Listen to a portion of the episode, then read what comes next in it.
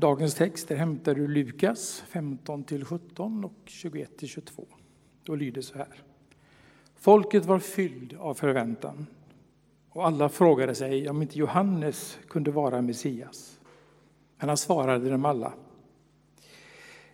Jag döper er med vatten, men det kommer en som är starkare än jag och jag är inte värdig att knyta upp hans sandalremmar. Han ska döpa er med helig ande.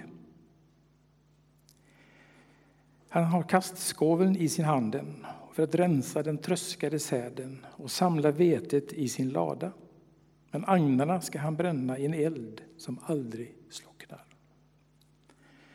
När nu allt folket lät döpa sig och Jesus också hade blivit döpt och stod och bad öppnade sig himlen och den helige Ande kom ner över honom i en duvas skepnad och en röst hördes från himlen. Du är min älskade son, du är min utvalde.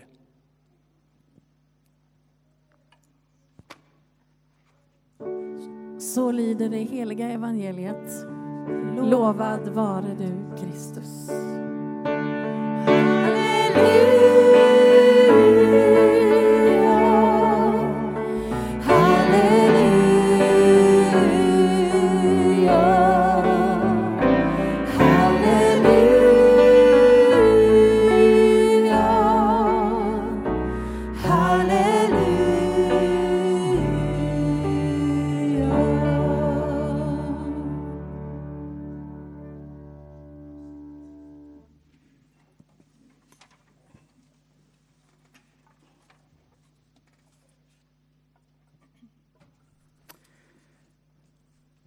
Du erfarenhet av relationer som har gått sönder? Saker kanske som du kanske har gjort eller som du sagt och som du efteråt tänker, åh nej. Och du ångrar vad som hände. Har du någonsin varit med om att det där vackra som du tyckte var vackert, hur det plötsligt blev till aska? Jag har det. Jag har den erfarenheten. Och för mig var det vänskapen med några nära vänner som blev infekterad. Vi som hade haft samma drömmar, vi som hade haft samma, liksom, vi som ville samma saker. Vi hamnade i ett omöjligt och sårigt läge. Och jag jag hade en tydlig del i det och sa saker. Jag gjorde saker som jag efteråt verkligen funderade, skulle jag ha gjort det? Det var nog inte värt det ändå. Och jag har tänkt mycket på det där och jag har tänkt mycket på min egen ofullkomlighet. Och så får man bära med sig den där sorgen av någonting som har gått sönder som inte riktigt går att liksom bara tvätta bort med Ajax. Utan det blir en del av ens liv och ens historia. Hur svårt kan det inte vara att hålla sig på vägen? Göra det som är rätt. Viljan kanske finns där, men många gånger så handlar vi som vi innerst inne inte vill. Vi drivs av dunkla motiv och tar av på små krokiga, märkliga vägar som leder bort ifrån centrum. Och vi inser att vårt liv inte riktigt håller ihop alla gånger. Tron här, livet där. Och så blir vi skamsna i vårt hjärta av det. Men att bli verkligt andligt uppgiven över sin ofullkomlighet och sina brister kan också bli början på någonting nytt. Allt andligt uppvaknande börjar med sorgen över den egna ofullkomligheten. I den bottenkänningen som man kan ha man undrar vad i hela världen är jag gjord av för virke egentligen. I den bottenkänningen möter vi ofta Guds ansikte som allra klarast. Hans blick som allra klarast in i våra liv. Peter Halldorf har uttryckt det så här. Först när det på allvar går upp för oss att Guds enda väg in i våra hjärtan går genom våra sår kan nåden utföra sitt verk och glädjen överflöda, skriver han. När vi tror oss vara helade och helgade utestänger vi nåden. Och I dagens text talar Johannes döparen till en mängd olika människor som precis som du och jag tenderar att halka ut på de krokiga avvägarna. Att tappa kontakten med Guds heliga centrum. Och så blir vi vilsna där vi är. Känslan av vilsenhet. Och med en profets hela arsenal av ett målande och kraftfullt bildspråk så manar Johannes till omvändelse och liksom manar folk att ja, det är dags att kalibrera om din kompass. Markeringen för den här omvändelsen var dopet som Johannes döparen döpte med. Men låt oss nu inte blanda ihop det här dopet som vi läser om här och det kristna dopet. För det är någonting annat. För när folk gick ner i vattnet för att bli döpta av Johannes så var det en slags lydnadshandling, en markering att man ville leva ett mer etiskt hållbart liv. Nu ville man ta lagen på ännu större noggrannhet. Så tyngdpunkten i det här dopet låg i första hand på handlingen hos den som blev döpt inte på Gud. Och Det man kan säga om det kristna dopet det är att det är Gud som handlar med oss därför att man själv inte kan ta sig i kragen. Utan man har sett sina dunkla motiv och man har sett sin oförmåga i vitögat. Det kristna dopet så sluter Gud in oss. Det här är fascinerande. Han sluter in oss i nådens famn. Och han känner ju den mänskliga naturens begränsningar. Och så skyler han din och min nakenhet med sin fullkomlighet. Och det är ingen liten sak att leva med som ett slags livsfaktum, som en slags överskrift över ditt liv. Håll i hatten.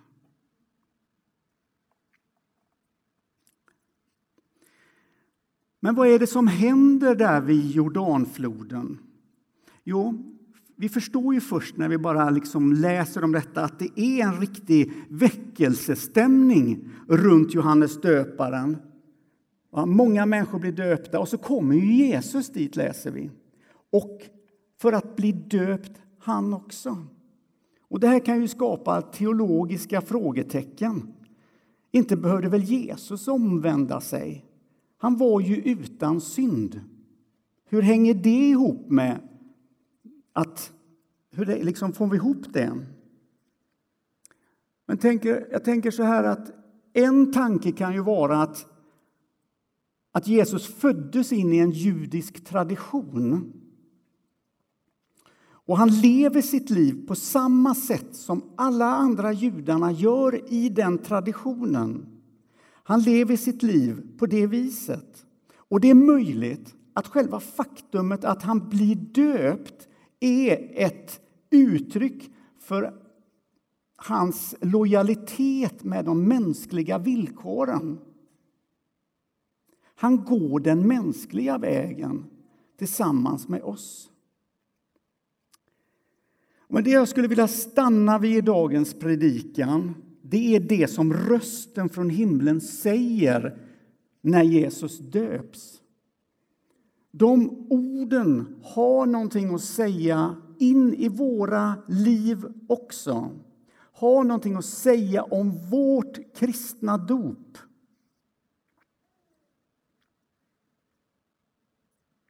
Den himmelska rösten säger Du är min älskade son. Och vi lyfter ut ordet son. Rösten säger alltså någonting om Jesu djupaste tillhörighet. Alltså själva släktskapet, om man, om man så vill. Och de här orden riktas till Jesus, där han står och ber. står det. Jag tänker att han har precis döpts, han står kvar. Det är min bild. då. Han står kvar där i vattnet och bara är tillsammans med sin fader för att han har varit med om någonting fantastiskt. Kan det vara så här att han behövde höra just de här orden om en yttre bekräftelse inför allt som väntade honom? Du är min son, glöm inte det. Och det är ju inte en liten sak att ha Fadern själv som en stödfunktion när man ska gå in på en svår väg. Och när du och jag döptes så var det en handling som också sa någonting speciellt. Och precis som rösten från himlen säger till Jesus att du är min älskade son så säger Gud samma sak om dig i dopet. Du är min älskade dotter, min älskade son. Eller du är min älskade icke-binära människa. Du tillhör honom. Du är hans barn. Och eftersom att du är det, du är hans barn, släktskapet är där, är där så får du också tillgång till alla hans resurser. Den som går ner i dopvattnet säger en sak om sitt eget liv. Jag är en brusten människa och jag behöver kopplas ihop med ett, ett större supportsystem. Jag behöver Kristus. Men det stannar inte vid att rösten från himlen rakt och tydligt talar till Jesus och klargör släktbanden och hans djupaste tillhörighet. Utan rösten lägger till min älskade son. Och här får vi då en inblick i Faderns kärlek till Sonen. Det är som om man inte kunde låta bli att lägga till det där kärleksordet när han talade till sonen. Han hade ju bara kunnat säga du är min son. Det hade ju räckt bra. Men det dög inte riktigt för Gud. Han ville uttrycka hela sin arsenal av kärlek i de här få orden den här dagen. Och Jesus behöver väl, precis som du och jag, höra att han är älskad. Han var ju en av oss. Och han hade mänskliga behov, precis som du och jag.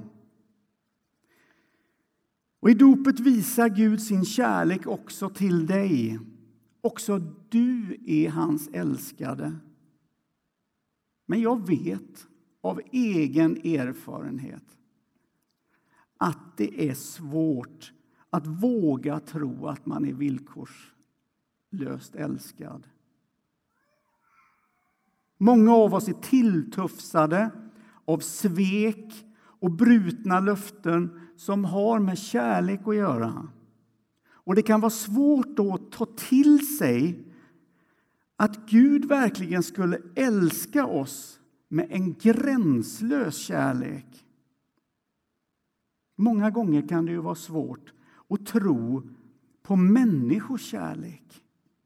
Hur ska det då inte vara, tro på, att, vara att tro på kärleken från Gud som vi först egentligen inte ser och som inte har en kropp, en, en form? En människa är ju ändå en människa. Det är lättare att relatera till, kan man tycka. Men Gud är ande. Men när Jesus döptes av Johannes döparen så sänkte sig anden ner över honom i en duvas skepnad, läser vi. Samma sak händer i det kristna dopet. Du får den helige, den helige Ande som en gåva. Inte bara som någon yttre verklighet, utan på insidan av dig. Och, och där får den helige Ande, där, där vill den helige Ande älska dig och övertyga dig om att du verkligen är hans älskade barn och att det är okej okay att vila i det.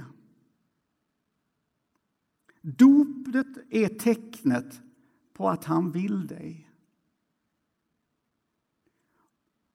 Och vi är många som inte har fått höra de där orden av våra egna föräldrar. Jag älskar dig precis som du är. Kanske har vi istället fått höra helt andra budskap som sänkt oss och som har påverkat vår inre förmåga att, eh, att liksom ha ett, ett tryggt förhållande till andra människor, att relatera till andra människor. Det har gjort oss ensamma.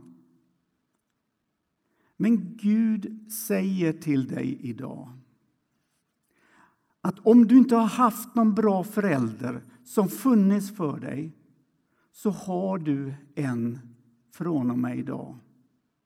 Gud säger till dig idag att mitt fokus är att ge dig allt gott. Jag släpper dig inte även om vägen framför kan bli svår. Gud säger till dig idag att din uppgift är att trots dåliga erfarenheter av att lita på andra ändå öva dig i att lita på mig. När Jesus döptes av Johannes så markerade det början på hans liksom offentliga uppdrag. Och rösten från himlen klargör att han är den utvalde. Han kommer inte gå i sin egen kraft. Den helige Ande som kommit ner över honom kommer vara med honom och han är ju helt beroende av Fadern. Och när du stiger upp ur dopvattnet så omsluts du av en kärlek som tål att se allt om dig. Som inte vänder bort blicken trots smutsen i ditt liv. Du lever, den döpta människan lever i nådens verklighet 24-7. Det finns liksom ingen liten del på dygnet där du står utanför. Om du tror det så är det dina känslor som håller på med ett annan slags kommunikation till dig. 24-7 lever du i nådens verklighet om du är döpt.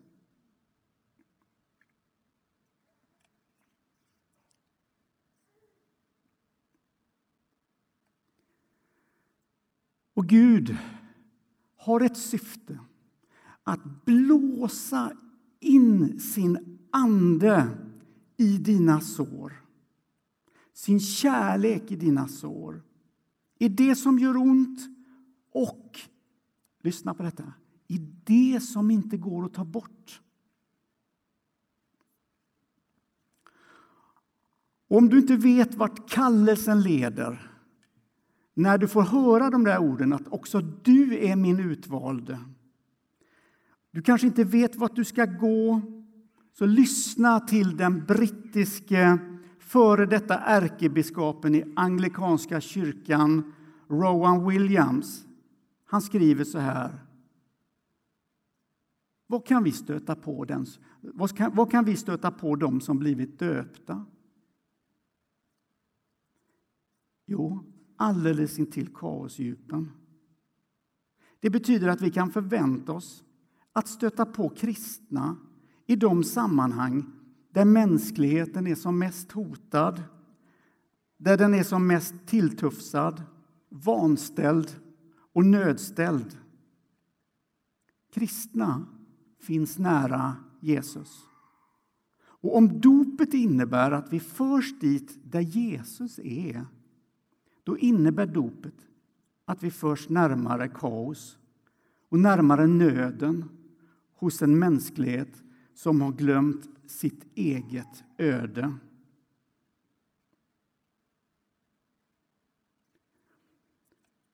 Här är det inte superkristna som efterfrågas eller människor som har ordning på allt. Här får vi komma precis som vi är. Det är det, det är det, som är det fascinerande med det här. Att du stiger ut i din kallelse med allt som är du. Inte med en liten del av dig som du tycker fungerar. Utan du är kallad som en hel människa in i det som Gud vill med ditt liv.